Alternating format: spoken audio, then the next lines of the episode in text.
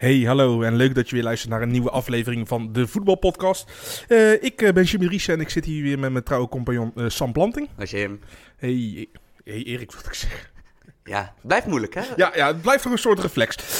Ja, er is genoeg te bespreken, denk ik. Hè? Zowel nabeschouwen als voorbeschouwen. Mhm. Dat gaan we doen in twee fases. We gaan onze gewone podcast, die nemen we nou op en die komt online. En we gaan ook weer een eh, korte preview doen eh, tussen Ajax en Juventus. Ja. Eh kwartfinale Champions League. En die komt als aparte podcast, een wat kortere versie, komt die ook uit deze week. Dus ja, jullie kunnen je plezier hopelijk weer op. Ja, ik ben alleen... Ik weet, ik weet nog niet welke van de twee jij als eerste online zet. Ja, geen idee. Ja, de preview denk ik. Maar we hebben het even zo gesche- gescheiden dat deze podcast ook nog gewoon na dinsdagavond eh Ja. snap je, houdbaar is. Deze gewoon heel de week. Deze podcast is heel de week houdbaar. En die andere is maar uiterlijk tot woensdagavond houdbaar natuurlijk. Mhm. Eh, ja, maar eh, laten we beginnen met de Eredivisie. Natuurlijk, traditiegetrouw. Jazeker. Want is er een titelstrijd? De-. Eh, vijf speeldagen voor het einde. Ajax en PSV op koers om 85, 86 punten te halen. Gelijk in punten. Ja, dit is toch wel... Ja, het blijft een goed seizoen. Ja, en wat het meest bizarre is, gewoon je kan tweede worden met 85 of 86 punten. Ja, En dat is het eh, grootste aantal, nog groter dan dat Ajax in 2010 haalde. Toen haalden ze volgens mij vijf- 84 punten of zo. Ik weet niet uit mijn hoofd, maar eh, ja, dat laat maar zien hoe goed eh, beide ploegen eigenlijk zijn. En ondanks dat we dus praten over het vele puntverlies na, na de winter, vooral van PSV nu, moeten we niet vergeten hoe goed ze waren voor de winterstop, toch? Ja, absoluut. En stel nou, Jim, dat Ajax en PSV allebei hun laatste vijf wedstrijden winnen. Ja. En ook PSV die negen doelpunten niet inhaalt. Ja. Eh, die, het, die het achterloopt in Ja, doelsaldo. dus dat Ajax kampioen is. Ja. Als PSV op deze, op de tempo waarna ze na de winterstop zijn scoren... ze scoren ongeveer één doelpunt meer per wedstrijd dan ze tegenkrijgen. Dat is dus wel aanzienlijk minder dan de, volgens mij gemiddeld drie Ja, ze... want ze hadden volgens mij voor de winterstop hadden ze 60 doelpunten. Ja, 60 doelpunten, 8 tegendoelpunten. En na de winterstop hebben ze 27 goals en 14 tegengoals. Oké. Dus dat is, eh, ja, dus waar, je, waar, ze, waar, waar ze voor de winterstop bijna 8 keer per tegendoelpunt scoorden, doen ze dat nu nog twee keer. Dus ze moeten echt een tandje bijzetten om dat eh doelsaldo weer in te gaan halen. Maar zelfs met dat doelsaldo, als PSV nu nog de rest, als, als ze dus nog plus 5 gaan in het doelsaldo in de laatste eh, twee wedstrijden, vijf wedstrijden, dan zouden ze op 85 punten uitkomen. En zouden ze van de 62 Of seizoen... 86 punten, toch? Staan Oh, op sorry, één- zes- ja. sorry, 86 punten uitkomen, omdat ze nu op 71 staan. In de laatste 72, eh, in de laatste 62 Eredivisie-seizoenen, dus tot en met terugrekenen tot vanaf het, dat het de Eredivisie heet, in 1957. Zelfs toen was ik trouwens nog niet geboren, voor de luisteraars thuis. Oh, oh wauw. Ja, ik heb een keer iets niet meegemaakt. En eh, daarvan zouden ze 48 keer gewoon compleet kampioen zijn geweest. En vijf keer op doelsaldo. Dus als je even goed telt, 53 van de 62 keer zouden ze kampioen zijn geworden in de Eredivisie-geschiedenis. Dus ik wil absoluut niet de hot takes voorbij horen komen dat eh, de- het seizoen van de nummer 2 mislukt is. Ja, al mogen supporters dat altijd vinden natuurlijk. Je mag dat vinden, maar als jij een duider bent, dus als jij, snap je, jouw baan is om dingen op waarde te schatten, of dat nou is als, als tv-analyst of als journalist of als clubwatcher of noem maar op, Ja. Van alsjeblieft, van dan laat je zien dat je echt gewoon compleet meewaait met, met de mening van de En dag. supporters mogen roepen wat ze willen. Tuurlijk! Toch? Ik bedoel, een supporter mag ook zeggen dat hij de kutkampioenschap vindt als Ajax of PSV kampioen wordt. Dat is, dat is het volste recht van, van... Zolang supporters niet de club naar zich toe eigenen, Ja. snap je, dat mogen ze voor zichzelf doen. Maar zolang ze dat zeg maar niet... Zolang zij niet gaan bepalen wie wel en wie niet fan mag zijn... mogen supporters vinden wat de fuck ze willen vinden van mij. Maar ik vind het... Ik zou het heel... Ik, ik zie het... Ik, ik, ik maak dit punt nu even juist voordat we op de wedstrijd ingaan... omdat ik weet dat het gaat komen. Ja. Ik weet dat het gaat komen. Het is gewoon een heel mooie intro dit, Sam. Ja. Laten we bij Ajax beginnen. Oké. Want dat was de eerdere wedstrijd. Ja, die kunnen we een beetje kort afdoen. Ja, ja ik, eh, vermakelijke wedstrijd vooral. Ja, Want het was echt, eh, ja, voor mijn gevoel was het, eh, het is in de media al vaker geroepen over de eredivisie, maar speeltuinvoetbal. absoluut. En, en ook niet zien aankomen. Want tussen midweekse wedstrijd in en natuurlijk ja, de wedstrijd van het jaar tegen Juventus. Ja, tot nu toe is volgens mij Ajax wel steeds naar een, naar een midweeksprogramma wel redelijk goed geweest. Ja, en ja, dit was... eh Willem II voetbalde... Wat zal het zijn? ik, ja, ik heb wedstrijd vanochtend nog gekeken, maar ik ben tot 25, 30 minuten voetballen ze lekker mee. Ja. Eh, heel aanvallend. Ja, ook heel veel ruimte weggevend. Ja, 100 procent. Het was eigenlijk een beetje een, een wedstrijd tussen de twee ploegen wie het minste restverdediging zou hebben. Ja, en ik heb, ik heb nog niet gekeken naar de cijfers en wat dan ook. Want ik, ik heb dus pas vanochtend die wedstrijd eh, helemaal gekeken. Ehm, maar Ajax kreeg echt kans op kans op kans op kans. En, ja, qua en- expected goals eh, zat Ajax wel iets hoger, maar Willem II zat ook tegen de twee aan. Oké, maar dat... Ja, Er zat, nee, zat natuurlijk een penalty bij. Penalty zat erbij, ze hadden een grote kans in de tweede helft nog. Hè, Ja, Toen- eerst zelf ook nog. Ja, Dus, en, ehm, maar ja, dit, dit was wel... Ja, ik bedoel, het is, ik bedoel, het is leuk van wat Willem II deed. Maar je gaat er natuurlijk no way een wedstrijd mee winnen. ja, maar dat hoeft er ook niet tegen Ajax of tegen PSV. Ik bedoel, die, zullen ze heel ontevreden zijn geweest? Nat- Natuurlijk, ja, 4-1 op je kloot krijgen is nooit leuk. Mhm. Maar je hebt een, een geweldige wedstrijd gezien. Je hebt een Isaac gezien die waarschijnlijk... Hoe, hoe vaak gaan Willem II supporters nog zo'n speler van dichtbij echt meemaken... die al zo goed is op zulke jonge leeftijd? Ja, dat is wel het is bizar, hè? Want is dat, we dachten allemaal dat Sol enorm gemist zou worden. En, Ja, al, al- al denk ik nog steeds... Kijk, Sol was wel echt een match made in heaven... want die voelde zich daarop waardig ja, maar die was geschat. verliefd op de club en op de Ja, supporters ja, en zo. dat is, dat is, ik denk voor supporters is Sol nog een leukere speler Ja. voor Willem II, want daar krijg je een band mee. Mhm. Maar Isaac is wel de betere speler van de twee, toch? Nu ja. al. En ik vind het ook trouwens een beetje partypoeperig dat mensen dus gaan zeggen van... "Hé, maar hij heeft alleen maar heel veel penalties gescoord. Zo van, omdat hij dus midweeks drie penalties scoorde en nu ook weer.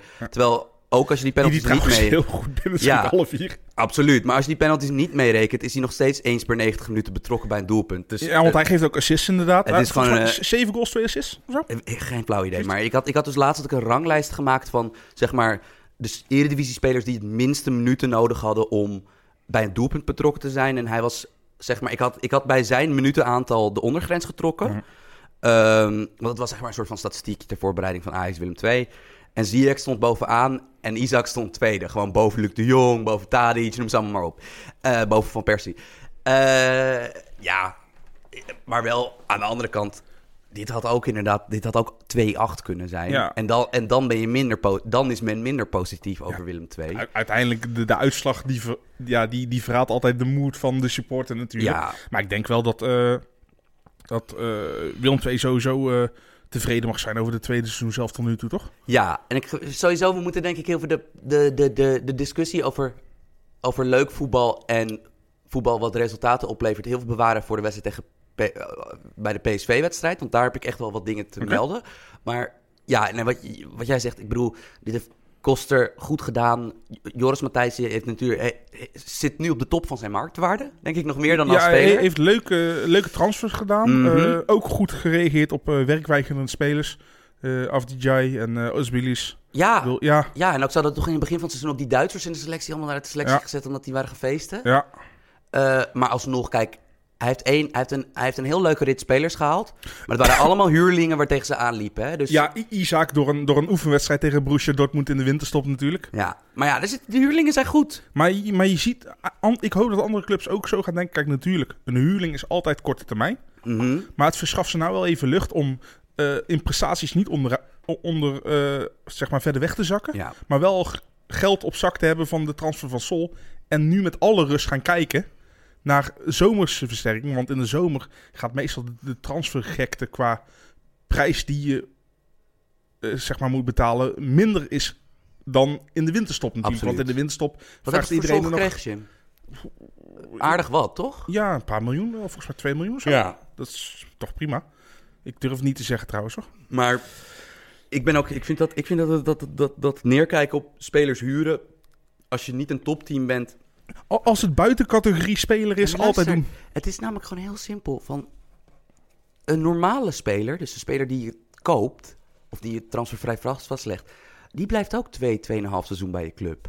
Van mensen hebben wel eens onderschat of overschatten wel eens hoe lang een dienstverband Sowieso duurt. moet een, een, een- een, een band tussen speler en club... Je hebt bijna geen spelers meer die, die continu bij één club blijven. Ja, tenzij ze gewoon niet goed genoeg zijn voor een hoger niveau. Ja, Ja, dat, ja ik bedoel, dat is hartstikke mooi. Maar uiteindelijk tekent dat ook wel de, de mankementen van de speler, toch?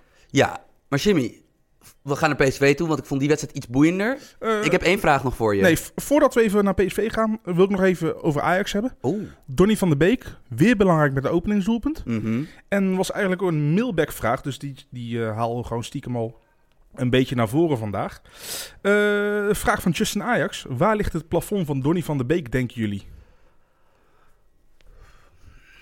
Kijk, de vergelijking met Klaassen wordt al snel gemaakt. Ja, Maar ik vind het, ik, ik- daar doe je Donny van der Beek als eh, completere speler tekort mee, denk ik. ja, maar ook wel weer, daar doe je Klaassen specifieke kwaliteiten ook wel weer mee Ja, tekort ja mee. is, is de links... want zou Klaassen in dit team niet, niet 25 doelpunten maken? Ja, die is wel echt meer een, een loerder. En Donny van der Beek kan, eh, wordt beter, kan beter betrokken in het spel worden.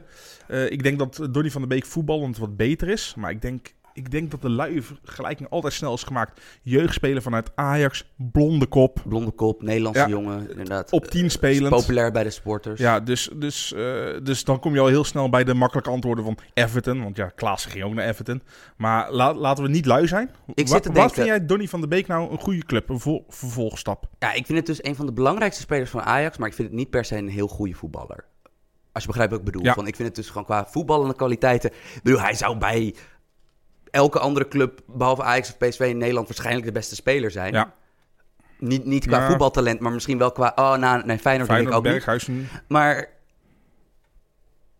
ehm, ja, ploegen die niet per se verzorgd positiespel spelen, dus waar een middenvelder of een tien, want hij kan op drie posities spelen, Mm. waar die niet per se heel goed moet zijn in progressie, dus de bal zeg maar via de opbouw bij de aanvallers krijgen. Ja, dan, dan kom je al snel uit bij Leipzig. Nou, daar is hij denk ik iets te oud en iets te duur Ja. voor.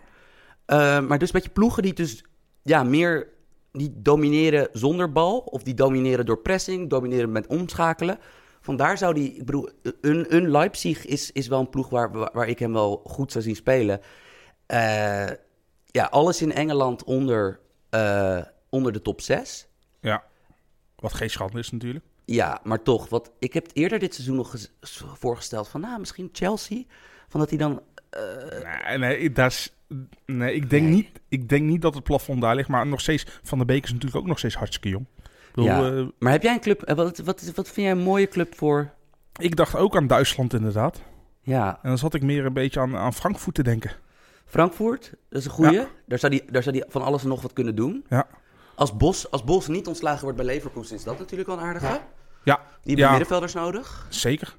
Ja, Bundesliga vind ik sowieso een goede competitie voor, Donny van der Beek. Oh, absoluut. Dat is gewoon de pressingcompetitie. En, dat, en ik bedoel, op dat En, vlak... en hij is er technisch genoeg voor ook. Oh ja, nee, maar hij, hij kan zeker goed voetballen. Maar gewoon, als je hem vergelijkt met andere spelers op zijn posities bij, bij, bij Ajax of bij clubs die groter zijn dan Ajax, ja, dan is hij voetballend niet. Want bijvoorbeeld, wat is de beste middenvelder op, in de Europese top die zeg maar niet per se technisch, eh, wiens technische kwaliteit zeg maar niet per se zijn allerbeste kwaliteit zijn. Die, dus vooral wiens positionering, loopvermogen, eh, arbeidslust, eh, opofferingsgezindheid. Wijnaldum.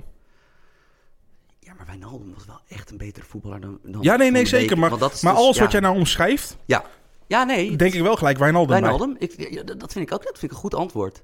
Maar Wijnaldum is wel echt, denk ik, dan de goudstandaard, hoor. Ja, die, Dat, die heeft eh, zich heel goed doorontwikkeld. Ja, Want ik zei volgens mij nog eh vorig seizoen, ja, nu Keita komt, eh ja, Wijnaldum gaat zijn basisplek verliezen. Nou, ik dacht het niet. ja, en ook bijvoorbeeld een ander, soortgelijk type, Goretzka. Ja, die kan, ja, die is toch Ja, maar Goretzka technisch- is completer ook. Ja, maar die is technisch onder. Die is toch niet. Dus ja. maar in elk geval, kijk, Donny van der Beek's carrière heeft misschien niet het hoogste plafond van al deze Ajax-spelers. Maar wel, denk ik, de hoogste vloer. Le- lekker steady is hij. Ja, want ik zie hem namelijk nergens floppen. Hm. Eh, eigenlijk nog minder dan Klaas. En bij Klaas is het eigenlijk toch, toch geflopt. Terwijl ik dacht, ja, ik, Ja, maar ja, Everton die haalde ook nog Sigurdsson terug. nou, En, en die haalde En Rooney. Rooney. Ja, Ja. ik wil dan, dan, ben je gedoe- dan krijg je geen kans natuurlijk. Hè? ja. Ehm, over plafonds gesproken. Gaan we een bruggetje bouwen? We gaan een bruggetje bouwen. Naar een, naar een ploeg die komt uit een stad met bruggen. Ah, naar een ploeg met, eh, met We, we gaan naar Vitesse PS- PSV. Ja, en eh, het plafond van Eudegaard is natuurlijk wel, als je hem gisteren weer zag voetballen. Hij is niet wekelijks zo. Maar goddomme, wat kan hij voetballen? Voordat we de loftrompet verder gaan, eh, over, eh, hoe zeg je dat? Lof... Afsteken? Afsteken, ja. Mhm. Gaan we natuurlijk eerst zeggen wat ons gesponsorde artikel is. Ons gesponsorde artikel, Jimmy. En hierbij moet gezegd worden, want de vaste luisteraar weet dat wij sinds kort samenwerking hebben met VI Pro.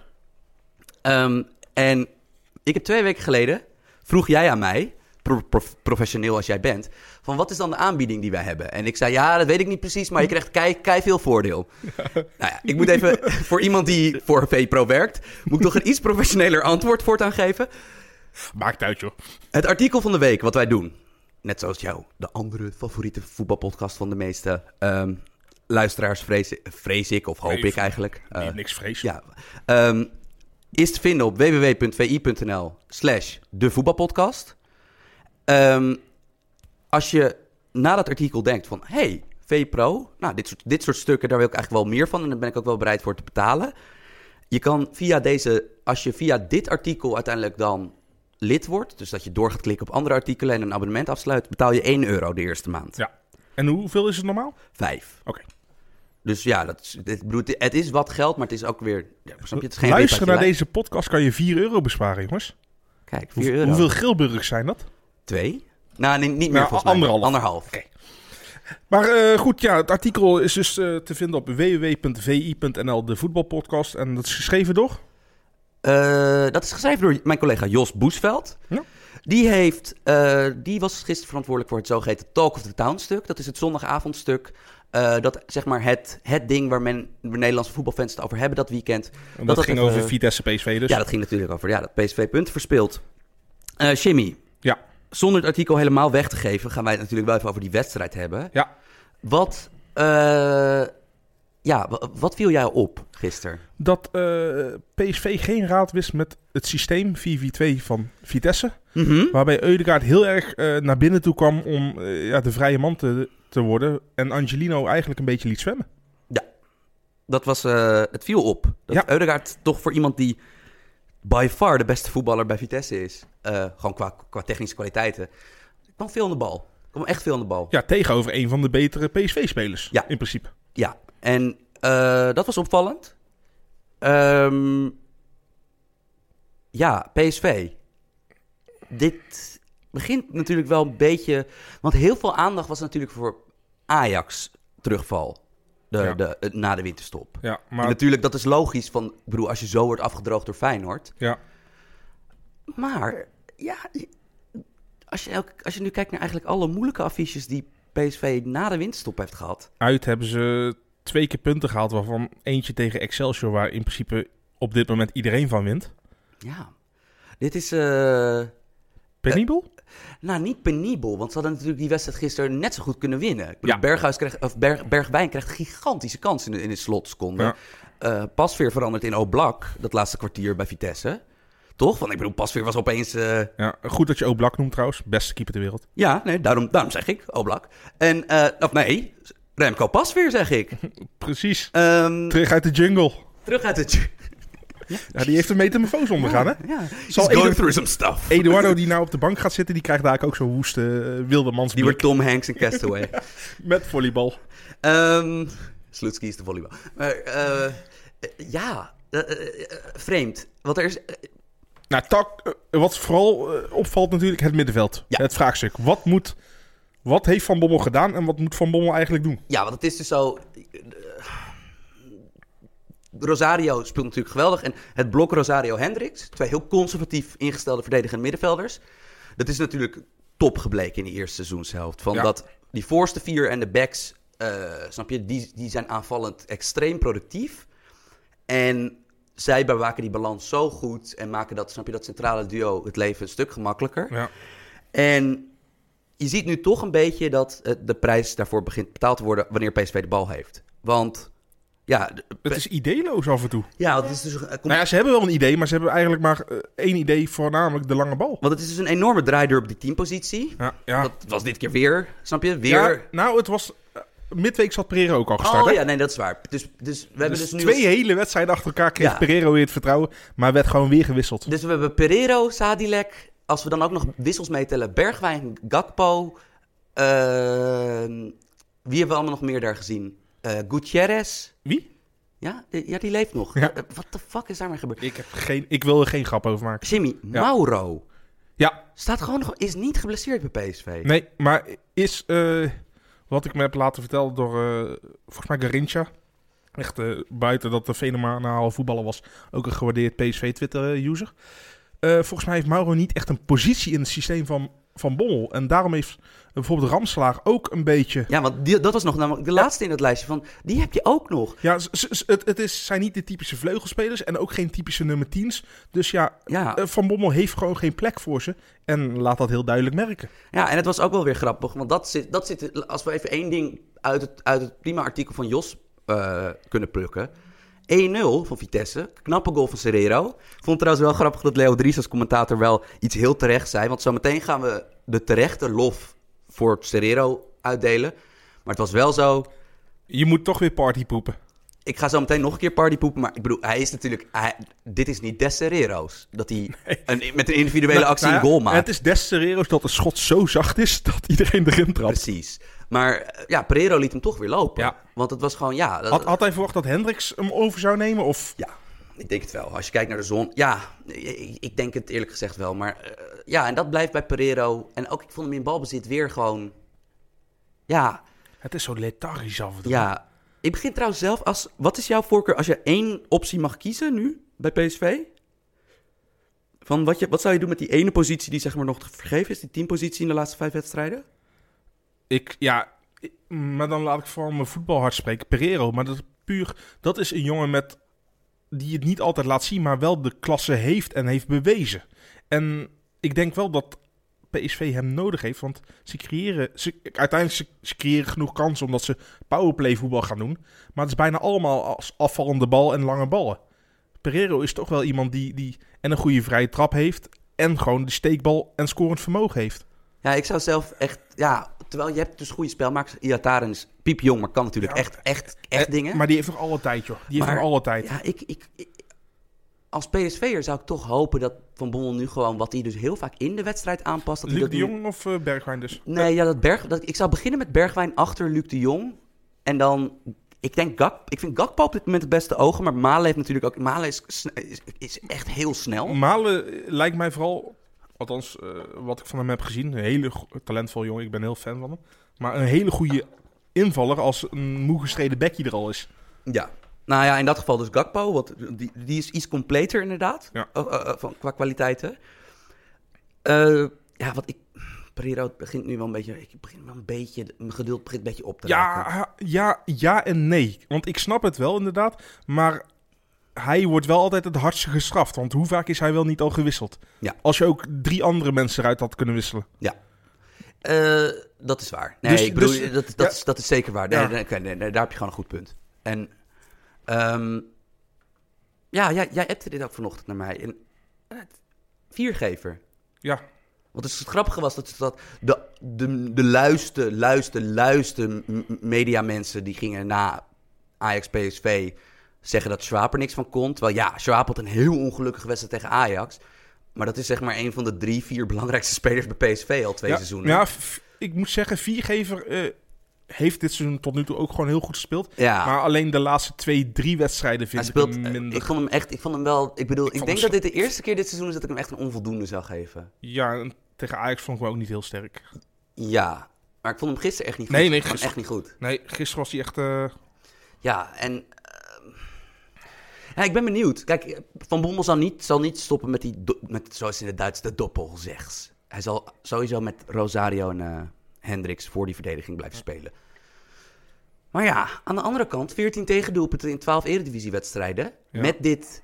eh, Oh. eh, met dit blok van vier centraal, van wat toch dus inderdaad, ja, ja, qua opbouw je het een en ander Sam, enige nuance wel. Volgens mij, echt na de windstop ging ook wel elk schot ging erin. op doel ging erin. Maar bijvoorbeeld gisteren, Ja, je geeft ja, toch... eh, het, eh, alle drie doelpunten zijn gewoon allemaal drie persoonlijke fouten. Ik bedoel, eh, de- het laatste doelpunt ook, Viergever, die, die, die loopt gewoon lucht te dekken. Waardoor Matas gewoon kan inkoppen. Ik bedoel, Ja.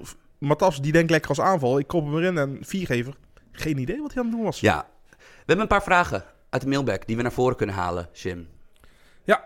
Over deze wedstrijd. Yes, van, de eerste gaat over PSV. Paulus van Os. Gaan we de komende wedstrijden een ander PSV zien nu, we ze, moeten, nu ze moeten achtervolgen? Denk je dat Van Bommel veel gaat veranderen eh, aan opstelling? Zeg maar de mannetjes zelf.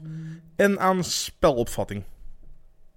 Dat eerste eh, ben ik vrij zeker in mijn antwoord. En dat is? Dat hij week tot week gewoon gaat blijven roleren Ja, op die teamplek. Doet, doet hij Voor de rest- voor de sinds rest- de winterstop doet hij dat al? Ja, voor de rest gaat er helemaal niks veranderen qua wie er speelt. Qua speelstijl, nee. Eh, nou, misschien dat hij, wat, dat hij iets agressiever wisselt. Wanneer, Ja, maar, wanneer maar, PSV maar voor de niks 60 zegt, niks, staat. niks zegt mij als ik eh, de... Kijk, ik kan alleen maar oordelen van de interviews die ik zie. Maar niks zegt mij dat er iets op gaat wijzen dat Van Bommel rigoureus gaat ingrijpen... omdat hij nog steeds gelooft in hoe hij nu speelt... dat dat de beste manier is. Ja. Dus eh, als, aan de ene kant valt dat wel te prijzen. Mhm, Want eh, als je in dat idee gelooft, moet je dat vooral blijven doen ook. mhm. Maar ja, wat als het nou echt niet blijkt te werken? Als het geen ongeluk blijkt te zijn, maar gewoon klasse. Ja, Of het gebrek aan klasse. Dat is lastig. ik vind Van Bommel een goed eerste jaar. Ja, Dus ja, ik vind zijn spelersmanagement, ja, dat is dus... Maar dat is niet alleen hij, hè? dat is ook gewoon wel de TD. Hij gaat wel hard er af en toe doorheen. Ja, en misschien hebben ze ook iets te veel middenvelders op contract staan. Ik bedoel, ja, en ook bijvoorbeeld Gutierrez begon geweldig. Want eigenlijk, ik, als ik heel eerlijk ben, dacht ik bij die eerste wedstrijd van Gutierrez van, oh, dit swingt de titelrace. Die, PSV heeft nu de enige speler die er nog aan die heeft ontbrak. volgens mij na de winter twee hele korte invalbeurtjes Ja, gehad. maar qua dat, dus dat is dus deels van Bommel die inderdaad harde keuzes maakt. Ja. En deels ook gewoon een, ja, de technische staf die misschien iets te veel spelers op één positie onder contract heeft staan. Maar, en ook, ja, dat misschien toch dat... eh, eh, ja, nee, dat Iataren misschien zich te snel ontwikkelt. Want Ja. dat, dat heeft natuurlijk... eh, Ja, het is te snel bestaat niet. Nee, dat is waar, dat is waar, dat is waar. Maar ik bedoel, het is, het is ook niet alleen maar negatief. Maar Je moet een Iatare aan de andere kant ook niet straffen voor zo, omdat hij juist goed ontwikkelt. nee, zeker niet. Ja. Maar ik, ja, ik ben... Het zijn luxe problemen eigenlijk. Ja, maar het enige waar ik naartoe wilde, het enige kritiekpunt dat ik een beetje bij Van Bommel tactisch heb, is ik zou heel graag zien dat hij, wat Ten Hag, waarom ik eigenlijk dol ben op Ten Hag bij Ajax en ook dol was op Ten Hag bij Utrecht, is dat hij iets doet wat ik Nederlandse trainers zelden zie doen. En dat is dat, er, dat de opbouw echt vier, vijf verschillende vormpjes kent. Ja. Dat niet, want kijk, we hebben altijd.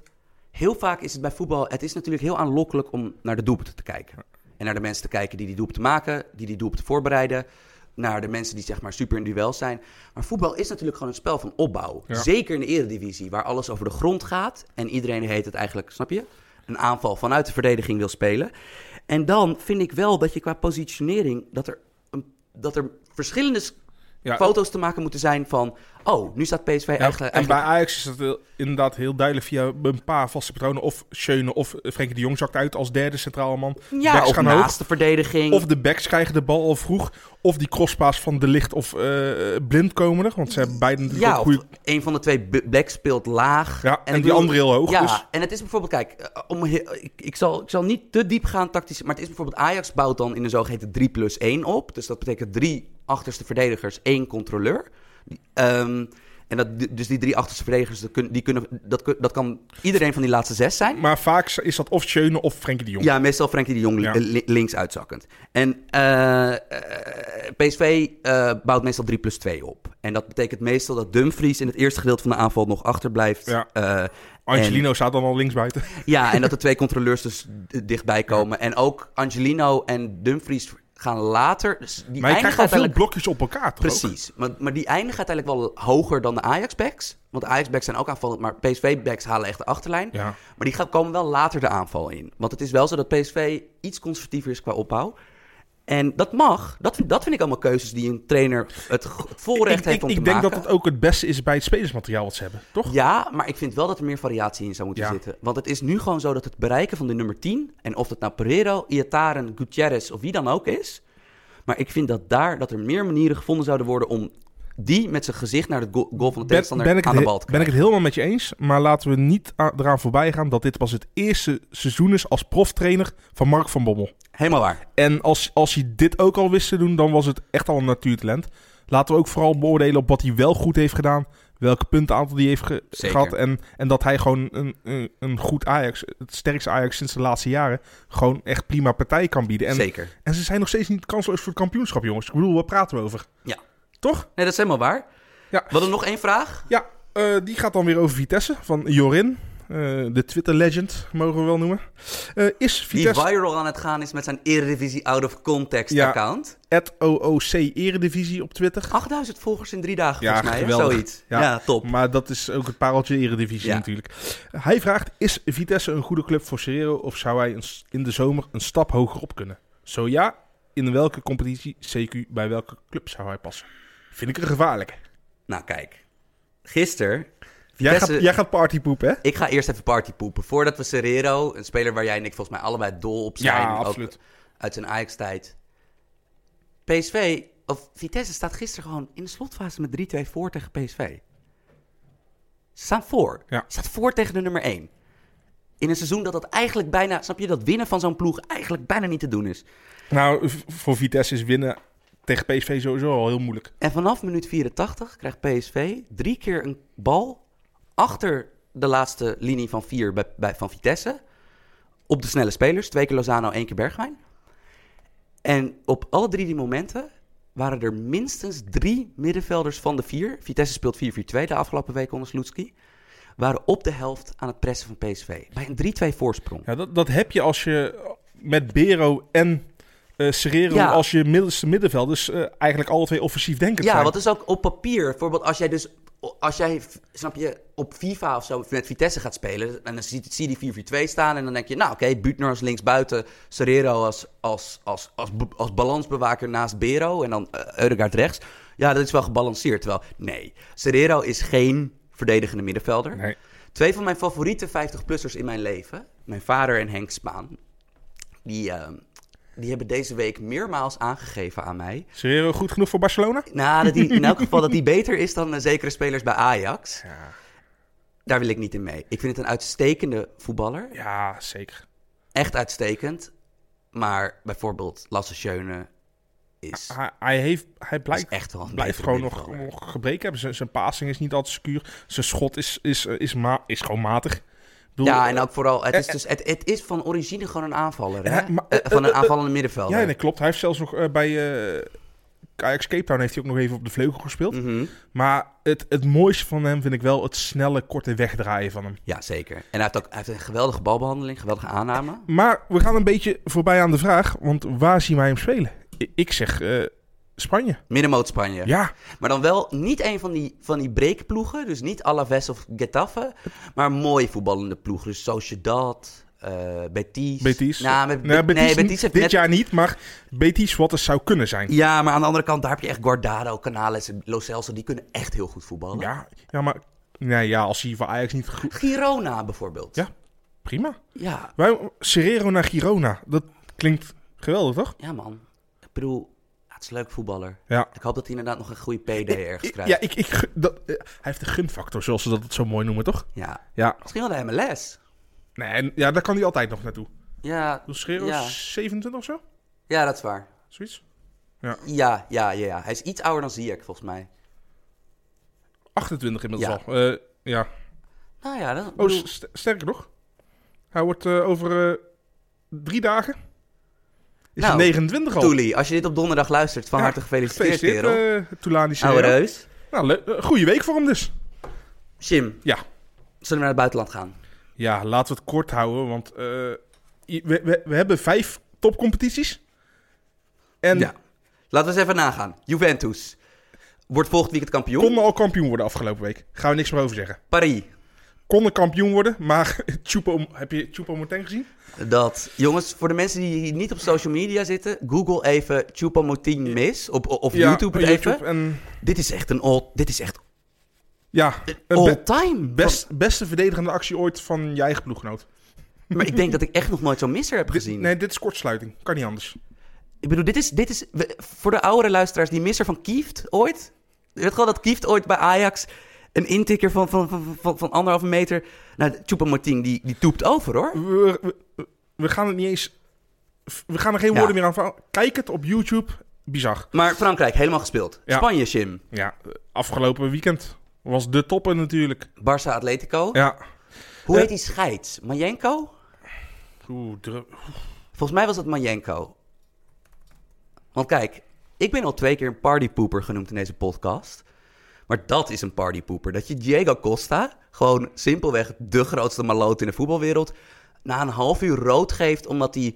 eh, ja, hij zegt dan in het... M- Manzano. ja, die. Manzano. Nee, dat was dit is die andere. Maar ik vind het je zo laten gelden, want Diego Costa kreeg dus na een half uur rood. Nou, wedstrijd gespeeld, snap je? Atletico Ha, met een man winner in Camp Nou. eh, luisteren ook mensen onder de 18 naar deze podcast? Die ook. En mensen onder de 18 schelden ook. Oké, maar zin. die moet anders even de oren dicht doen. Hij schelde in Nederlands vertaald, ik scheid op je hoerenmoeder. Ja, maar aan de andere kant... Ik heb dus Is wel... er een andere kant? Ja, want ik heb, dus, ik heb dus even gisteren... Want ik zag op Twitter het paar keer voorbij komen. Ik heb, vroeger zat ik met twee Spanjaarden in een... ehm, Oh, het is cultuur. nou, kijk, ik zat met twee Spanjaarden in een basketbalteam. Eentje uit eh, eh, Barcelona, eentje uit Catalo- Ca- Ca- Ca- Catalonië, eentje uit, uit de regio Madrid. Die, die kwam uit, eh, uit de buurt van waar Leganés speelt. Ehm, ik heb hun beiden even geappt van, is dit een gangbaar scheldwoord? En zij zeiden, dit is het go-to scheldwoord van jonge mensen. Van, dit is zeg maar... ehm, ja, in Nederland schelden met ziektes, dat is natuurlijk al helemaal raar. Maar bijvoorbeeld, je moet maar een keer denken van... het Engelse scheldwoord, wat je ook in veel rap noemt, een motherfucker. Van dat is ook bijvoorbeeld... Ja. Dat kan ook... Brits scheldwoord juist hoe wanker. Ja, precies. En bijvoorbeeld, maar motherfucker kan je ook... snap je, jij of ik zegt dat ook wel eens tegen elkaar... op een, op een niet... Ja, maar kom op, we gaan toch niet... Nee, het was, dat- het was wel een scheldwoord bedoeld. Maar aan de andere kant, ik vind het wel echt kinderachtig. Van, je bent volwassen... Van, snap je, je bent volwassen mannen scheidt... Ja, maar je weet dat in, in vooral landen als Spanje... Krijg, krijg je gewoon een... In Spanje en Italië... Commentaar op de scheids op, op deze manier krijg je gewoon rood. Het is gewoon, gewoon fucking dom van Diego Costa. Ja, nee. Bedoel, we, we moeten de schuld niet ineens nee. wegnemen bij Diego Costa. Beste Diego Costa anekdote is toch wel dat hij eh, om, dat om drie uur s'nachts zijn nieuwe buren, hij had een nieuwe villa gekocht, dat zijn nieuwe buren eh, de politie hadden gebeld en later ook aanbelden. Van ja, wat is er nou aan de hand? Van we horen zoveel geluiden. Bleek hij op volume 100 op zijn televisie gewoon ter ontspanning op de achtergrond porno aan te hebben. Maar zeg maar op stadionvolume. Is dit echt waar? Dit is echt waar. Oké, ja. Waarom verbaast me niet met Costa? Maar goed, even terug naar de wedstrijd. Eh, naar de rode kaart was wel gespeeld hoor. Al. Ja, Oblak eh, had, had re- wonderredding op wonderredding op Barça. Barça was buiten Messi gewoon weer vervelend om naar te Ja. kijken. Eh, uiteindelijk wordt de bal zes minuten voor tijd gebroken door Suarez. Ja, en een minuutje later. En een minuutje later weer echt een geniale Messi-goal. Echt. Maar die goal van Suarez was ook super knap. Want het leek eerst een beetje van... Hmm, Oblak heeft hij normaal. Maar die kna- schoot hij echt super knap in. Nee, bij Oblak mogen we niet denken. Die heeft Nee. normaal. Want O- als Oblak hem doorlaat, is het gewoon echt een goed schot. Hoeveel wedstrijden zijn er nog gegaan in Spanje? Zeven, dacht ik. Uit, Ja, zeg ik uit mijn hoofd. is- Ze- Zes of zeven. Ja. En het gat is elf. Ja, en, en sowieso het, het doelsaldo ook volgens Ja. mij. Eh, Real Madrid en Atletico scoren schrikbarend weinig. Ja. En Barça, ondanks dat het niet swingt, scoort het gewoon heel veel. Ja, en, en Barcelona gaat niet meer vier keer verliezen, dus die zijn ook al kampioen. Ja, Nou ja, dan hebben we Engeland. ja Daar is spannend, maar daar speelde bij de ploeg geen competitie de- Nee. dit weekend. nee. Eh, wacht even, speelde Liverpool? Eh, nee, Liverpool heeft toch tegen, eh, Ja, die hebben vrijdag tegen. Southampton gespeeld, toch? Ja, die hebben... Oh ja, ja Kwamen nou ja, toch eh, 1-0 achter door Shane Long. zeker. Inderdaad, die zijn... Ik was het weer vergeten. Vrijdag, nou ja, die, die, die, die bleven... Die, de punten werden niet gemorst door, geweldige Salah-counter. Uiteindelijk werd het 3-1. Eh, City eh, moest de halve finale beker spelen. Ja. Nou, dat blijft spannend. En dat zijn ook denk ik wel... Ik bedoel, dat- ik mag denk ik hier een beetje voor jou spreken. Onze ploegen, toch, dit jaar? Ja, ja, De- absoluut. De beste twee. Ja. Maar we gaan heel veel naar Duitsland toe. Ja, want eh, heel lang, ik bedoel, de podcast die vorige week helaas door een technische storing niet is uitgekomen, had ik het al over dat eh, Dortmund, eh, ondanks dat ze wonnen, niet zo goed lijken dan dat ze zijn. Mhm. Veel late Eh, goals nodig ja. hebben. Niet zo goed lijken als dat ze zijn. Ja, Ja, goed. Ja. ja, ik begrijp je punt. En inderdaad, hoe de goals tot stand komen. En ja, en Ba- Bayern München dat toch weer begint te draaien, ondanks het puntverlies tegen Freiburg. En gewoon eigenlijk een aanzienlijk betere selectie hebben. Helemaal als er ook nog blessureleed bij kijkt. Mhm. krijgt. Want als je kijkt naar de breedte van de selecties, eh, is het eigenlijk de, de eerste 14 man van Dortmund zijn goed. En daarna is het ja, traumamatig. Mhm. En bij Bayern München is, is de nummer 1 tot en met 21 is gewoon goed. En weet je wat ook het geheimpje is? Want ik bedoel, hij stond wel op het veld toen ze, toen ze er kansloos afgingen tegen Liverpool. Maar ik denk gewoon dat Liverpool de, de één na beste, of misschien wel beste ploeg op dit moment op aarde is. Maar Bayern München heeft een heel wisselvallig seizoen. Maar als je dan zeg maar even gaat filteren op de wedstrijden dat Thiago meedoet, Thiago Alcantara, Ja, dan is het nog steeds, ondanks dat het tactisch niet helemaal snor zit, Hij- ondanks dat, spelers, dat er heel veel spelers over de heel zijn of gewoon echt niet meer maar hij samen zijn. met Gavi Martinez is goed, toch? Ja, en Thiago is gewoon, gewoon, als hij speelt, is Bayern nog steeds een heel goede ploeg. Echt een heel goede ploeg. Zijn, zijn inzicht qua passes die hij verstuurt zijn van zo'n hoog niveau. Bayern is een van mijn favorieten voor de Champions League volgend jaar. Want die gaan, Ja, zo, die gaan zo renoveren Die hebben zomer. het geld, die hebben de aantrekkingskracht helemaal binnen eigen land. Die, Dus, hebben spel- die hebben spelers waar nog groei op zit in de eigen selectie. Ja, want eh, de, de vleugels swingen ook weer met Koman en Gnabry natuurlijk. Ja, Ala- Alaba en Thiago gaan al heel lang mee. En Thiago natuurlijk vaak geblesseerd, maar die zijn dit, jong. Ja, Alaba dit seizoen niet zo heel goed. Minder goed dan, dan voorheen. Eh, Hummels, eh, tweede seizoen zelf, is hij wel goed bezig. Ja. Su- Sule is Ja. goed. Eh, wat eigenlijk, waar ik eigenlijk naartoe wil gaan na die wedstrijd. Ik bedoel, eh, ja, afgetekende overwinning van Bayern München. Eh, Dortmund heeft aan het begin van de wedstrijd één grote kans gehad die, die net eh, naast ging. Maar Mhm. daarvoor had misschien Lewandowski al een penalty moeten hebben. Misschien. Eh, maar de spelsituatie, dode spelsituatie is gewoon... Ja. Daar, eh, Acht, eh, achtste, acht kansen kreeg Bayern München in de eerste helft het corners vrij trappen. Tel ik twee goals en eh, Ja. drie grote gemiste kansen. Ik heb hier op VI Pro heb ik dit ook allemaal. Ik heb het helemaal, helemaal uitgeplozen van wat er nou gebeurde. Maar ja, dat, dat, het is nog wel spannend. Op papier is het spannend, want Bayern heeft één punt voorsprong of twee. Ja, één Eén? punt voorsprong. Maar ik vond het eigenlijk, hoe raar het ook klinkt, ik vond het al niet eens meer spannend toen Dortmund nog maar net een kleine voorsprong had ten opzichte van Bayern. Ja, dit Want- was, en dit was echt een nekslag Ja. eergisteren. Dit was echt een nekslag. Ja, want je kan winnen en je kan winnen. Hè? Ja. Ik bedoel 5-0. Ja, en...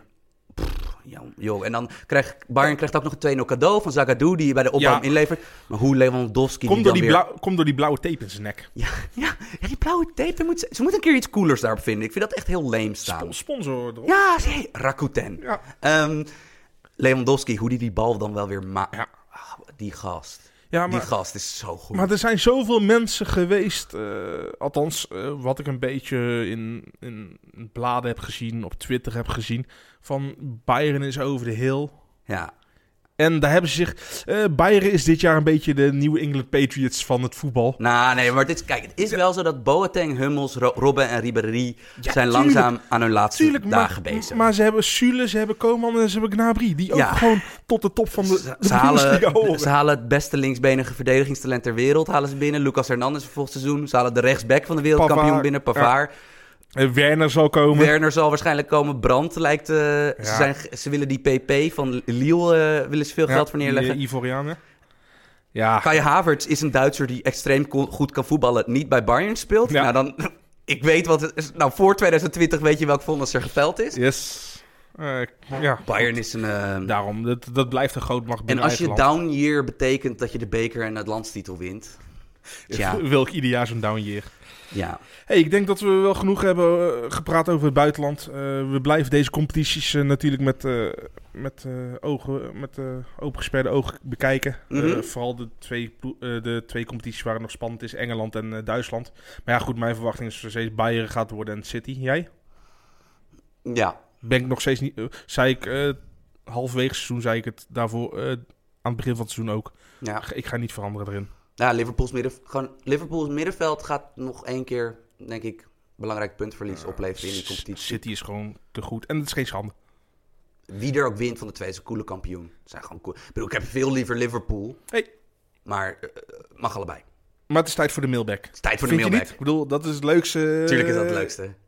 Wat we in onze podcast hebben. Dus ja, eigenlijk moeten we daar gewoon, gewoon lekker aan beginnen. Goeie vraag deze week. Ja, we beginnen natuurlijk wel weer een beetje met een leuke vraag. Die ook echt daadwerkelijk via de mail binnenkwam. Eh, ja, waar we. Ja, dat vind- ja ik, ben ik nou zo ouderwets dat. Ja, nou goed, alsof mailen ouderwets is. Het is een Maar beetje fetishy begint het. eh. ja, ja, de mailback moet gewoon via de mail gaan. Dus eh, ik ben daar blij mee. Ik kan je zeggen, je hebt wel een stralende glimlach. Ja, nee, absoluut. Dus, je hebt mij alweer bi- in- binnen. binnen. Nou, eh, de vraag was eigenlijk, althans, het, het, het waren twee vragen. Van wie is de beste speler zonder interland? Van Jan-Willem Tellen was die vraag. Eh, nou goed, wij kwamen beide eenduidig op één antwoord. Aymeric Laporte. Ja, de linker voorstopper van City. Ja, eh, Franse, Franse nationaliteit kon ook voor de Spaanse kiezen. Ja, was, is in Baskeland geboren. Ja, eh, maar heeft inderdaad nog geen interlands gespeeld. Wat aan de ene kant niet gek is als je ziet de talentenpool vooral achterin bij Frankrijk die ze, Mhm. die ze hebben.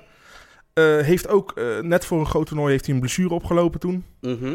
Aan de andere kant, ja, als je, als je je kan staan houden bij een van de best, misschien wel het best voetballende team ter wereld op clubniveau, dan verdien je toch wel een keer een kans in het nationaal team. Als je ziet dat Rami en Zuma nog wel gewoon een kans krijgen. Ja, Toch? Kijk, die eerste drie bij, bij Frankrijk staan buiten kijf, Ja. centraal achterin. Je hebt Varane en Umtiti in de basis en dan heb je Kim Pembe, Ja.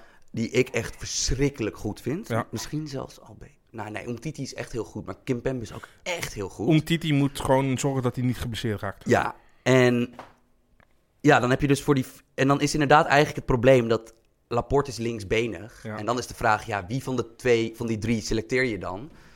Maar aan de andere kant, Laporte kan ook linksback spelen. Hij zou ook rechts centraal kunnen spelen. En ja, en het is ook grappig. We gaan zo meteen nog een paar namen noemen bij Frankrijk... die achterin geen interlands hebben gekregen Ja. van Deschamps. Terwijl, ja, Rami, of ik moet zeggen Mr. Pamela Anderson. Volgens mij is dat uit, hè? Ja, Die, die eh, tabloid. ja het interesseert me geen reet. En dan ook Zuma, de Ja. breker Zuma, Koscielny. Van dat soort gasten krijgen dan wel interlands. Dat begrijp ik dan weer niet. Maar ja, Deschamps is gewoon een heel conservatieve man die zeg maar heel erg... Matuidi linksbuiten.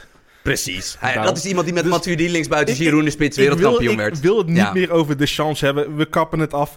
Ja. Eh, waren er niet trouwens... eh, wij, wij kozen dus voor Laporte. En ook bij onze sponsor www.vi.nl staat een artikel over Laporte deze keer. Is geen VI Pro artikel, dus kan iedereen gewoon kijken, lezen. Doe ermee wat je wilt. En wat, wat, wat, wat is onze specialiteit, Jim? Wat, wat kunnen wij heel goed? Dat doen we vrij vaak in de mailbag. Ook ongevraagd doen we dat. Jij, Behalve- jij trash-talken, maar... Nee, we zijn fucking goed in zeg maar thema-elftallen Oh ja, nee, zeker, zeker. Dus eh, ja, misschien kan iemand hem wel weer op voetbalmanager naspelen. Maar dat was ook gewoon een vraag eh, van... En wat is het beste elftal eh, wat je kan maken uit spelers die geen international zijn geweest? En hoe zouden die het in de eredivisie doen of in een Europese topcompetitie? Jim, jij Ja. hebt geuzenwerk verricht vanochtend Ja. vroeg.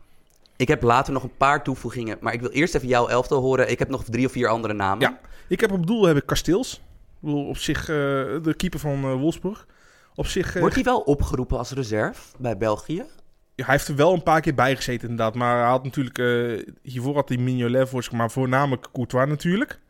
Ja, goed. Dat is ondanks een mager jaar bij Real Madrid mogen we wel stellen. Is hij wel gewoon ondertussen nummer 1 bij de Rode Duivels. Op rechtsback had ik de pijlsnelle De Marcos van Atletiek Bilbao. Ja. Grappig, want meestal hebben dat soort Spaanse jongens één of twee verdwaalde interlands. Maar Ja, hij nee, dus niet. Hij niet inderdaad. Eh, het verdedigingsduo bestaat uit de eerder genoemde Laporte. Bestaat ook nog uit Lenglet. Ja, die inderdaad gewoon eigenlijk te goed is om te negeren bij Barça centraal achterin. Daarom. Eh, heeft ook nog geen interland. Maar dan komen we weer terug op het feit van... Ja, kijk eens wie er staan en eh, wat Ja. voor coach de chance is. Want dat centrale duo van Leipzig, best verdedig, de beste verdediging in de Bundesliga, Upamecano en Konate, ja. hebben ook geen interlands. Nee, nee. Ja, Ja, nou ja. Goed. Eh, nou, het is gewoon een wilde Precies. van Frankrijk wat ze kunnen... Zij kunnen... In Frankrijk C zullen nog steeds centrale verdedigers rondlopen... die bij alle andere landen, uitgezonderd eh, een paar andere landen... overal de beste verdedigers van de selectie waren, toch? Yes. Eh, op linksback heb ik, eh, na lange wikken en wegen, ik heb, ik heb geen keuze kunnen maken tussen twee pareltjes. Vertel. De eerste is Grimaldo, linksback, Spaanse linksback van Benfica. Uit, Mag eh, gratis weglopen bij Barça omdat Alba zo goed is? Ja. is eigenlijk eh, eenzelfde soort type speler. Ja. Eh, snelle jongen. Die zie ik echt nog wel een stap maken naar de Geweldige trap heeft hij. Echt geweldige trap. Ik ben toch uiteindelijk voor Mitchell Dijks gegaan. Oké, eens. Ik bedoel, dat is toch zo'n jongen die je nodig hebt voor de sfeer in de groep. Ja, Voor de social media presence. absoluut. Dus eh goede, goede voorzetten op de derde ring. Wat lengte in de ploeg. Maar Dijks gun ik sowieso gewoon een interland. Voor Swaziland. Nee, voor Nederland. Fuck it. Nederland. Nee, Dijks, Dijks in oranje. Ik Mid ben- aan de spitta. sowieso. Eh, middenveld, eh, ja, middenveld. eh, gewoon drie gigantisch goede spelers. Zeker. Manu Trigueros, Ja, spelmaker die nu tijdlang geblesseerd is bij Villa- Ja. Villarreal. maar echt al jarenlang daar speelt. Goeie speler, man. Ja, En ook bijna niemand kent hem. Want hij komt dus uit de jeugd van Villarreal. Hij, Ja. is, hij is 7 of 28, dus hij speelt er echt al ja, een maar poos. speelt, ja. Hij is echt goed. ja. Eh, maar ja, goed, aan de andere kant, ja, dat tekent ook wel hoe goed de middenvelders zijn bij Spanje Ja, natuurlijk. heeft er echt Heeft, heeft hiervoor natuurlijk Iniesta en Savi en eh, je hebt een Busquets en je hebt een Par- Parejo, die kan ik helaas niet meer oproepen. Nou, Canales ook niet meer. Die, Nee, zijn, die zijn net in, Want die zijn op allemaal dertigste gedebuteerd. ja. eh, international geworden. Maar ik heb nog wel een andere Spanjaard. Hij speelt alleen niet in Spanje, net als Grimaldo. Eh, Fabian Fabian Ruiz. Ja. van eh, Napoli, Ja. ex-Betis. Het zou mij niks verbazen als over drie jaar, vier jaar... dat Hij dat de aanvoerder van het Spaans elftal is. Goed, hè? Hij ze hebben, Napoli heeft 20 miljoen aan Real Betis Sevilla. Koop je. Echt fucking Een koopje. koopje. Echt, ja. Beste speler bij Napoli. Ja, bizar. Ja, echt, echt. En het grap is dus, is dus hij is dus zo'n klassieke Spaanse middenvelder. Dus tweebenige tiki-taka jongen, die ook nog eens, snap je, heel Maar goed, ook nog vrij- oplettend pressing is. Hij is 1,90 Hij meter is bijna. lang. Hij is lang. En hij is relatief snel. Ja, Ah, dat is echt go- zo'n goede speler. een omnitalent. Ja, kan op controleurspositie spelen, kan aanvallen spelen en speelt hangend links buiten Ja. wel eens. Ja, echt goede speler. Nou, die, die gaat in 2019 sowieso debuteren. Ja, Dus, 100%. dus wij hebben deze vraag op tijd beantwoord voor ons team. Precies. Gelukkig. Eh, en dan echt als een beetje luie nummer 10, Anderson Talisca. Nog wat lengte in de ploeg. Ja, zeker. Die, Die- die is net iets langer dan Fabian nog wel.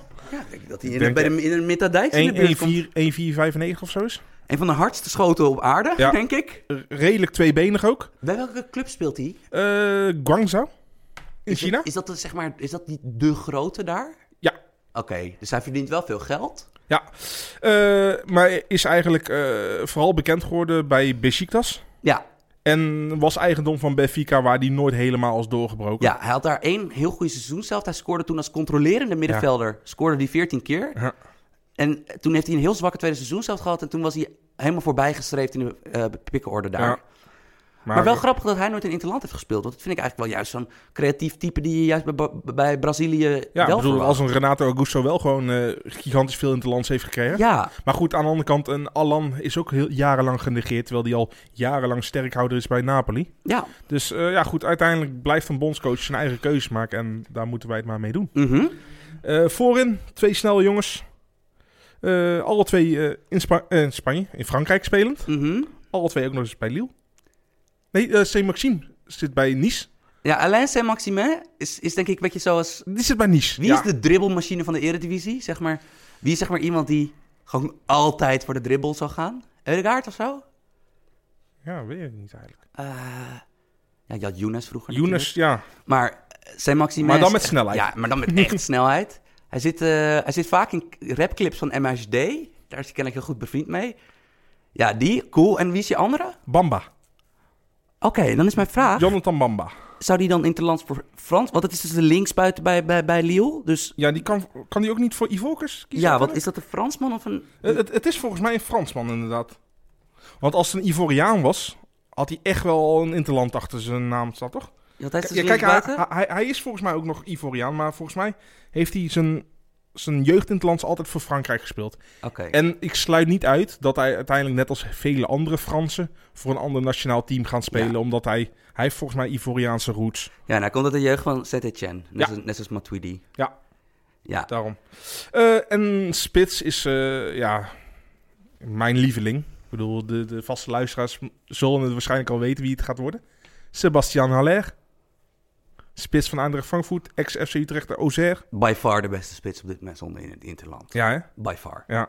Maar voor hoe lang nog? En daar bedoel ik meer mee van hoe lang gaat hij nog genegeerd worden door... Zolang de er zit, denk Ja. ik. Hè? Zodra er een andere bondscoach zit, Ik, zal ik, hij ik wel zat international even te denken aan een andere Fransman in de spits. eh speler van Sevilla. Heb- Ben jij er nog nooit in interland gespeeld? Die heeft er dus één gespeeld en daardoor viel hij af. Maar dat is voor mij wel een stuk makkelijker geweest, want daardoor hoefde ik alleen nog maar voor Haller te gaan. Oké. Maar ik ga het even opsommen, mijn, mijn team dus. Mhm. Op goal Kasteels, rechtsback De Marcos, verdediging Lengele, Laporte, linksback Dijks, Fabian Anderson, Talisca, Manu Tragueras op middenveld, C. Maximim, Bamba op de flanken, Haller als spits. Nou, Ja. hiermee ga je de Eredivisie sowieso winnen. Nee, ja, nee, natuurlijk. Nee. Maar, maar Europese, eh, laten we kijken, Europese competitie, eh, Kan je tweede worden in de Serie A of Liga met dit team? Denk het wel. League 1 wel. Denk het wel. Ja. Je, hebt echt ach- je hebt echt bijvoorbeeld een heel sterke achterhoede, hè? Ja, ja, ja, nee, ga, gaat, gaat je lukken. Kampioen ga je niet worden. Nee, nee, nee. Hoeft je, ook hebt, je, niet. hebt, je hebt natuurlijk geen, je hebt geen superster. Nee. Eh, gewoon, je hebt sterren, maar je hebt niet... eh, Maar goed, ik had er een paar. Sam, ja, vertel jouw andere spelers die... eh, Ik vind Kasteels gewoon niet zo'n goede keeper. Nee, maar ja, ik moest iemand kiezen. Ja, ik, ik heb dan toch voor eh, Benjamin Le- Lecomte gekozen. Keeper van Montpellier? Ja, Montpellier is een eh, echte Catenaccio-ploeg. Is al een paar jaar een van de moeilijker te passeren verdedigingen in, eh, in de Europese competities. Niet leuk om naar te kijken. Maar ja, wel het elftal best wel afgestemd op dat ze echt een verschrikkelijk goede keeper hebben. Ehm, Ik had vooral op de flanken had ik, het een en ander nog. Ik, ik, vond ik vind namelijk Saint-Maximin en Bamba leuke spelers, maar ik zie ze nooit international worden bij Frankrijk. Dus ik heb geprobeerd jongens te zoeken die misschien nog ooit een interland gaan spelen. Ik heb twee Spanjaarden en één Fransman. Uh, Houssem Aouar. Ja, die mag je op linksbuiten of tien of op controleur zetten. Maar die, die jongen van Lyon, die... ja, die, die Algerijns-Franse jongen, die moet, die moet Ja. wel l'équipe gaan halen. Ja. Gewoon echt een monstertalent. Heeft wel wat concurrentie natuurlijk. Ja, maar is zo compleet. Ja, ja, absoluut. Het is een soort van... Ja, het is een soort... Het is Ziyech-achtig type, maar dan sneller en langer. Van, het is echt een goede speler. Ehm, oh ja, op de flank had ik er een paar. Ik denk bijvoorbeeld dat Porto, dat is een rechtsbuiten van Girona, die zo meteen terugkomt bij een andere mailbackvraag.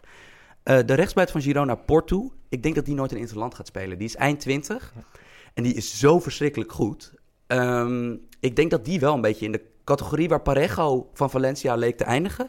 Ik denk dat Porto daar wel eindigt. Ik denk dat dat niet het geval is bij de andere rechtsbuiten die ik uit Spanje nog... Waarvan ik verbaasd was dat hij nog nooit een interland had gespeeld. Carlos Soler. Dat is de, rechts, de rechtshalf van, eh, van Valencia. Ja. Ja, dat is een heel goede. Dat is een onspectaculaire, heel goede voetballer. Eh, ik denk dat hij wel... Onspectaculair hoeft helemaal niet negatief te zijn. Nee, natuurlijk. dat hoeft niet. Dus dat zijn eigenlijk... dat- Ik vind dit 15 mooie namen die we, die we hebben. daar ga je hoge ogen mee scoren. Ja, Oké, eh, laten we nou verder naar de andere vraag van de mailback gaan. Ja. Eh, de eerste was natuurlijk weer van onze trouwe luisteraar. Die hebben we eigenlijk vorige week al meegenomen. Maar ja, helaas, we weten hoe het is gegaan. Alla Philippe, hoe moeilijk is het om in slecht gecoachte elftal een goed talent te herkennen? Ik kan er een heel lang verhaal over vertellen. Ga ik niet doen.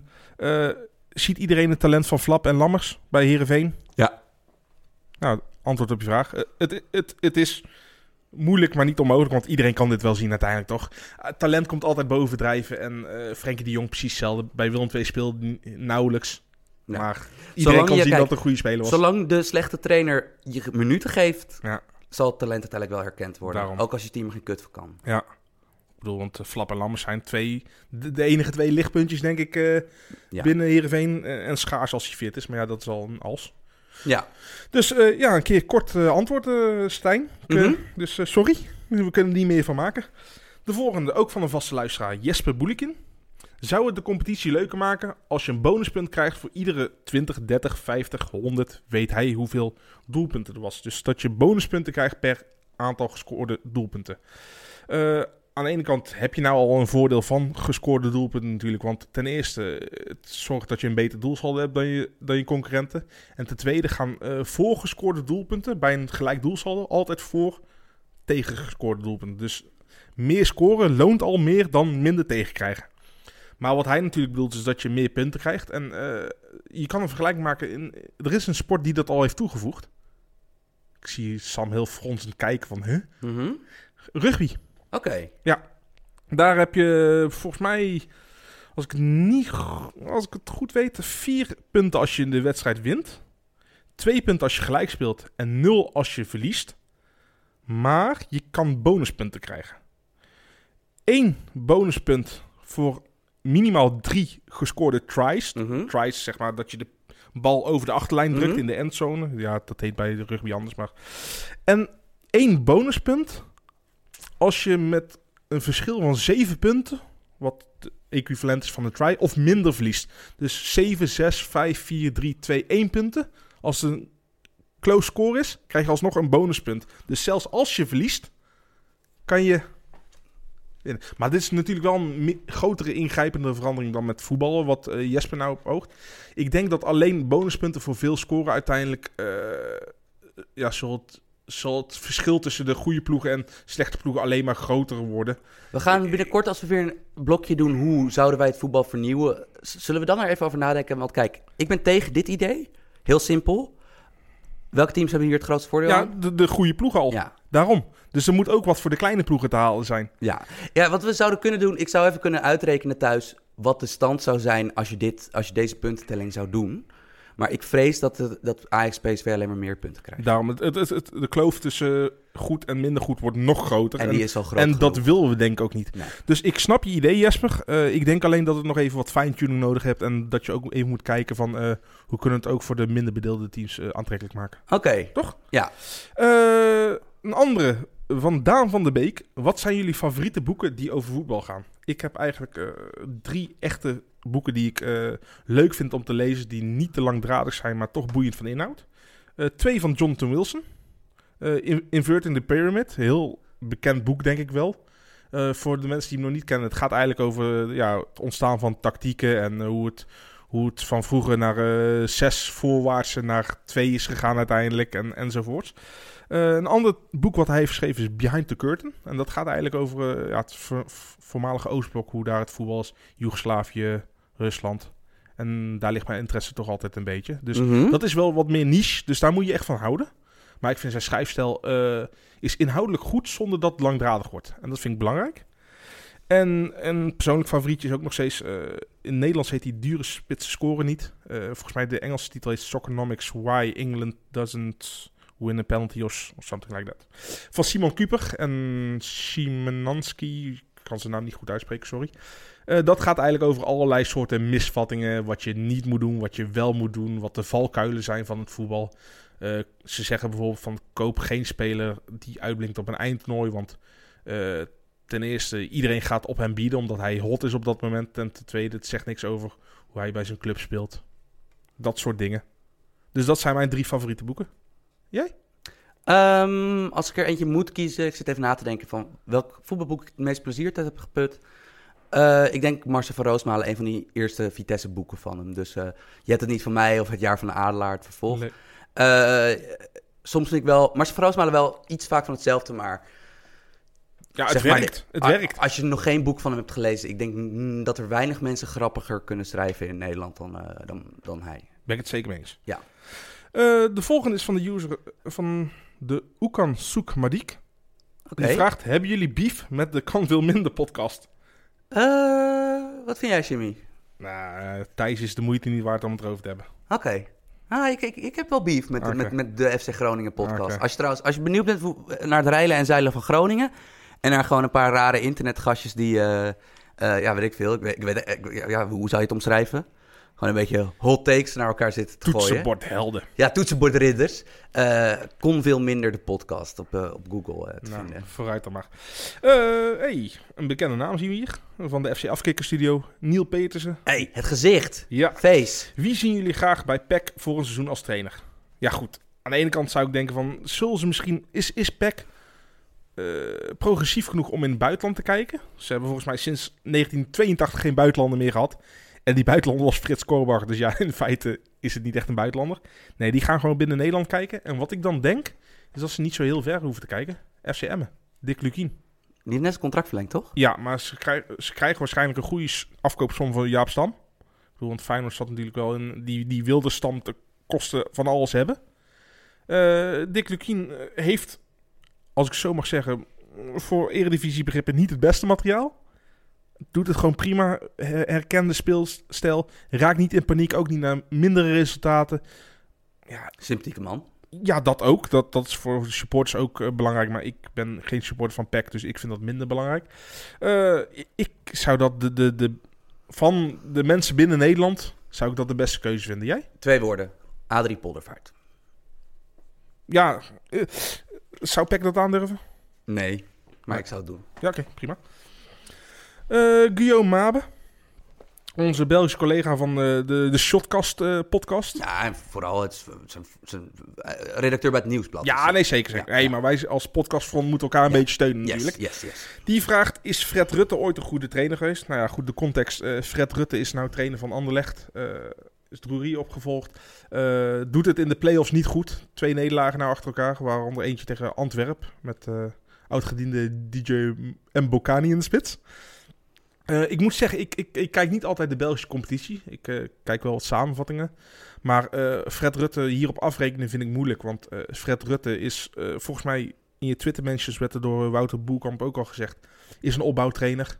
Heeft het bij Vit- Vitesse goed gedaan in de opbouw. Zijn vierde geworden dat jaar. Heeft het bij Twente goed gedaan met jonge jongens. Heeft Elia, heeft Arnautovic aantoonbaar beter gemaakt.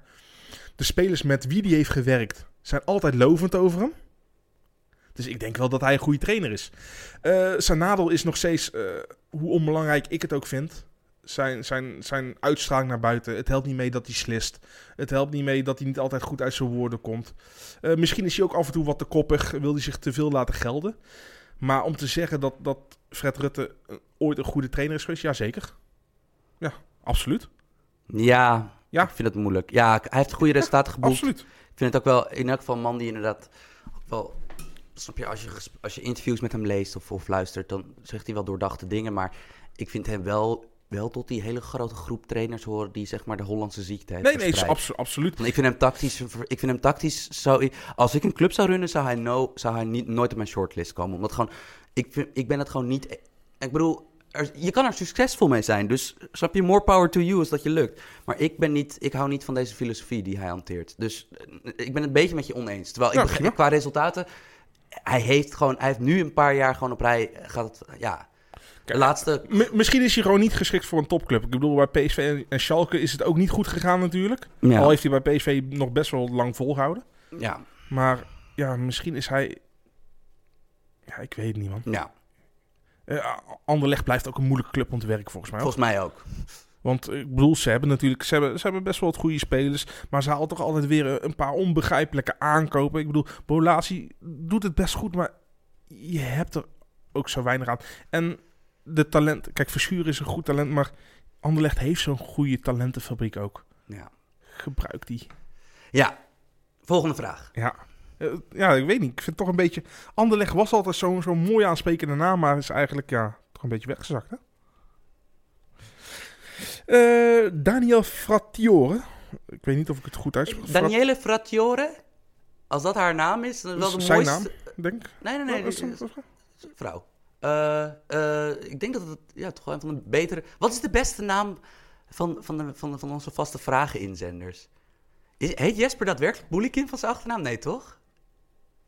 Nee, nee, nee, nee. Ik ga niet zeggen hoe die wel heet. Maar Daniele Frattiore, dat is wel echt een... Echt een- de- dan ben je Italiaans, toch? Prachtige naam. Ja, nee, daarom. Maar, maar e- even wachten. Ik- sorry als ik je inderdaad eh, verkeerd heb beoordeeld op alleen de naam. eh, maar Danielle is toch zowel een mannelijke als een vrouwelijke naam in Italië? Ja, maar Sam, Ja. Sam is toch ook... Ja, nee, nee, nee. Nee, maar niet dat ik helemaal verkeerd zat te denken. Nee, nee, nee, nee. nee. Nee, dus Daniele de Rossi heb je. ja, mea culpa. eh Mhm. eh, hey, eh, als vrouwen vragen insturen, helemaal prima. Power to them natuurlijk. Die vroeg, wie moet Ziyech vervangen? Nou, heb jij natuurlijk ooit al een keer eh, een, een, betoog gehouden aan wat spelers? Zijn er nieuwe spelers bijgekomen? Ja, want Oh, ja, dat Eh, was direct. Ja, nee, want we hebben dit volgens mij ergens aan het begin van het seizoen een keer gedaan. En Ja. ja, ondertussen is wel Ajax qua appeal. Ik bedoel, ja, je verslaat fucking Real Madrid. Ja. En qua eh, financiën ook weer. Ja, het is toch weer wat gestegen. Dus ik vind eigenlijk, kijk, ik heb laatst ook eh, voor mijn werk Ras van Marien geanalyseerd. Ja. Prima speler, maar echt prima speler. En, en lees vooral wat ik, wat, wat, snap je wat ik over hem te zeggen heb. Maar Er gaat geen podcast voorbij om mijn eigen Nee. werk te promoten. Nee, Nee, ik heb je al door, Sam. Maar, eh, ja, ik had mij beklijft toch een beetje dat ik, dat ik een beetje denk van ja jongens, probeer nou één, nog één, één Nog een segment hoger. segment hoger. Van probeer nou, ik bedoel dat dan, dan maar dat het nog Beetje kwestie van nee heb je, ja kun je krijgen. Nee, heb je nou, ja kun je krijgen. Dus ik heb een beetje vanuit dat opzicht heb ik vanochtend een beetje zitten kijken in mijn aantekeningen, boekjes en zo van wat wat wat. wat eh, eh, ik heb drie categorieën. Ik heb de categorie, nou, nee heb je, ja kun je krijgen. Daar gaan we even kijken. De eerder genoemde Porto. is een jongen van eind 20.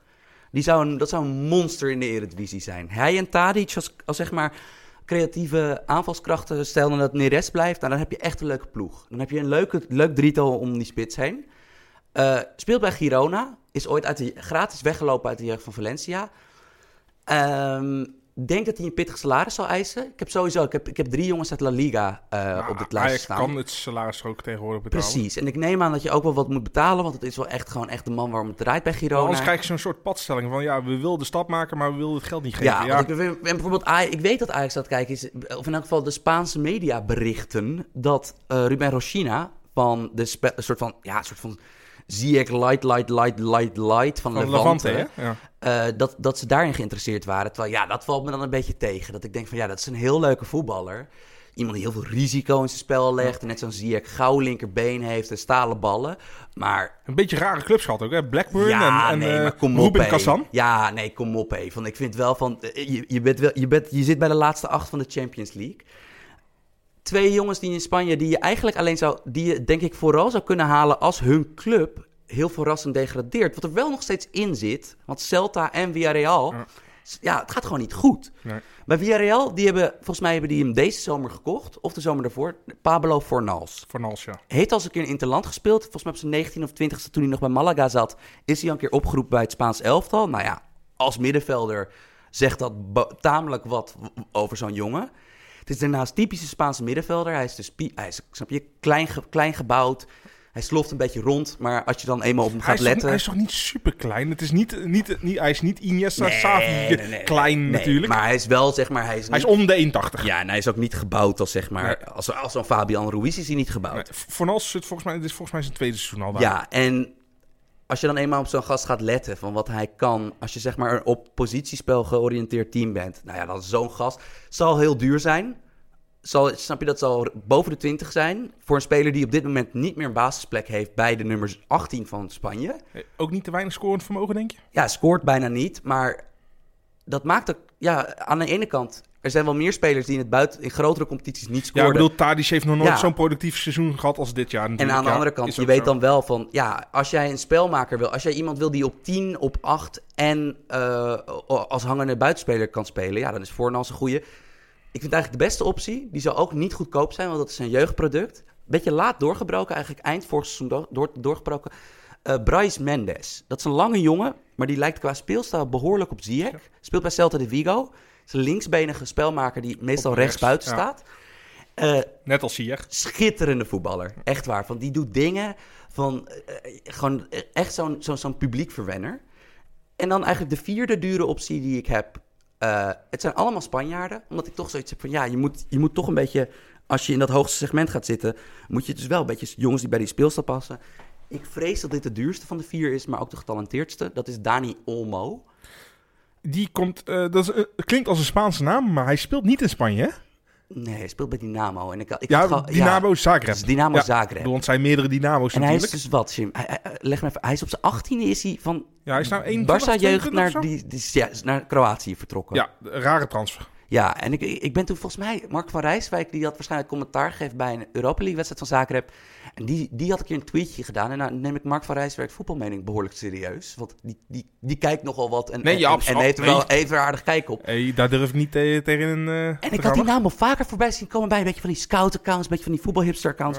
Dus ben ik gaan kijken. Holy shit, van die kan voetballen. Dani Olmo. Het- Maar wat doet hij bij Zagreb? Geen flauw idee. Ja, eh, eh, Ja, spelen. ik bedoel, ja, of het is een echt een enorme hipster die zo van, ja, ik wil de wereld zien. Ja, Ja, of het is een beetje weird met zaken. Kroatië een mooi land trouwens Ja. hoor, daar niet van. Maar Wat, het is natuurlijk wel zo, Zagreb is samen met Barcelona en Ajax de, de, de jeugdopleiding die het meeste spelers ja, produceert. maar en, vaak, en gaat Real. dat, vaak gaat het over spelers die uit het land van herkomst komen. Ik zeg, ja, althans van het land Ja, van Precies. waar de club zelf zit. Zeg Maar maar. bijna elke, eh, zeg maar, dat, dat Kroatië wat in de WK-finale stond, volgens mij kwamen er acht uit de jeugd van Zagreb. Tuurlijk.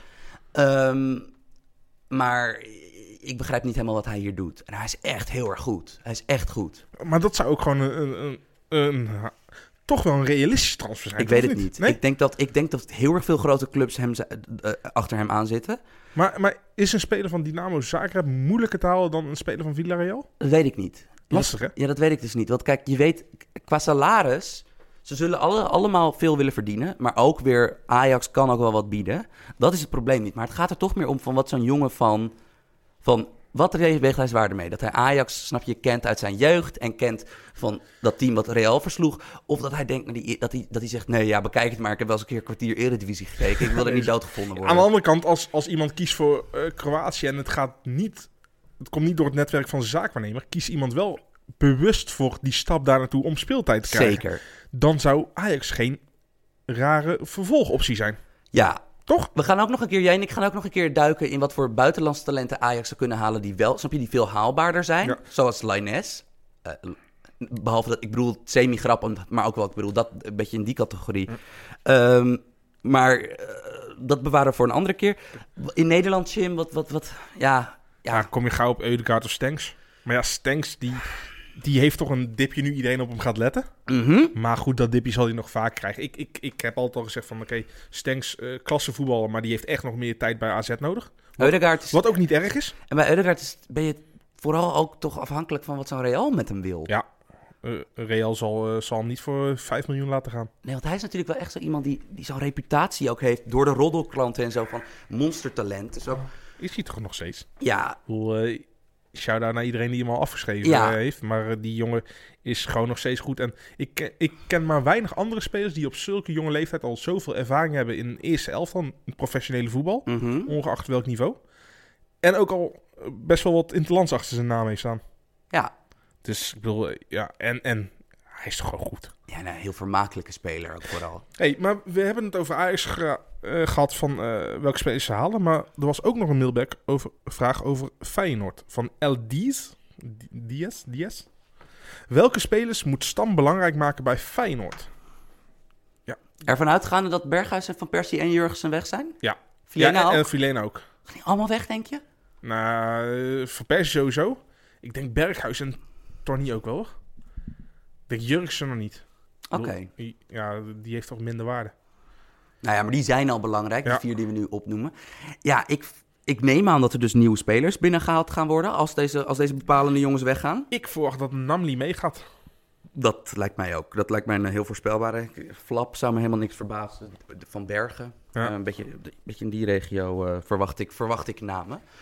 Ehm, ja, ik zit na te denken. Sowieso is Larsson. Die stiekempjes trouwens minder shit is dan mensen denken. Ja, ik ben daar to- toch wel een beetje blij mee. Want het was altijd een van mijn lievelingsspelers toen hij bij Heerenveen ik, zat. ik, ik wilde hem heel graag naar Ajax Ja. gaan. Maar eh, ja, ik, ik denk dat je daar misschien wel de, de beste hebt. Nou ja, je hebt natuurlijk Feyenoord moet op de jeugd gaan inzetten. Ja. Want ze moeten gewoon weer nieuwe... En, en of, Kutsku, ik weet nooit hoe je dit uitspreekt. Ik denk Kutsku van, nou ja, in elk geval veelbelovend. Ja, wat hij tot nu toe laat geef hem lekker. Ja, het- is dat je toch nog om die derde plek speelt. Hè? Ja. Maar anders... Jim, jij, kijkt, jij denk ik dit seizoen meer... Ik heb Feyenoord denk ik maar tien keer gezien dit seizoen. Maar Dylan Vente, is die, kan die denk je basisspeler worden daar? eh, ik, ik nee, kan Jurgensen niet uitspelen. Oké. Nee. Een goede, goede speler nog echt wel, maar Jurgen is zoveel completer. Ja, nou ja, Ja. dat zijn een beetje... En ik zou in elk geval... als ik trainer was bij Feyenoord en ook, snap je, eh, de spelers die binnenkomen zijn een beetje meh... Zou ik in elk geval eh St. Just een bela- gewoon de, de leidende rol centraal Ja, erin geven. Alleen, daar moet je wel een duidelijk pad voor hem kiezen. Zie je hem echt als rechtsback of zie je hem als centraal Ja, verdediger? Want dan kan je daarna ook je andere team eraan aan, aan ophangen, toch? moet gewoon centraal achterin. Ja, als, als back vind ik hem ook Kijk, niet kijk nou even wat de alternatieven zijn je. Ja, nee, ja, dat, ja, Dat, eh, dat is ook zo, ja. Ja, nee, nee, dat is dan eigenlijk... De, de, eh, St. Juste en Larsson zijn de eerste namen die ja met de winnen Sint schieten. Just in het centrum en dan eh Karsdorp volgend jaar op rechts. Ja. Dan heb je je belangrijke spelers. die Ja. drie. Ja. ja, meer kunnen die van maken. Ik bedoel, ik, Ah, Feyenoord moet wat leuke spelers hebben, joh. Ja. Want ze hebben even... ja, goed, Van Geel gaat weg. Dus eh, misschien, misschien opent dit wel de poorten tot eh, goede scouting van Feyenoord. Buiten de landsgrenzen. Ja, Zou mooi zijn, toch? En met deze laatste vraag zijn we weer aan het einde gekomen van eh, weer een eh, aflevering van de voetbalpodcast. Eh, dan rest ons niks anders meer dan shout-outs te geven. Dus Sam, take it away. Aruna Babangida, shout out. Shout-out Julius Agahoa.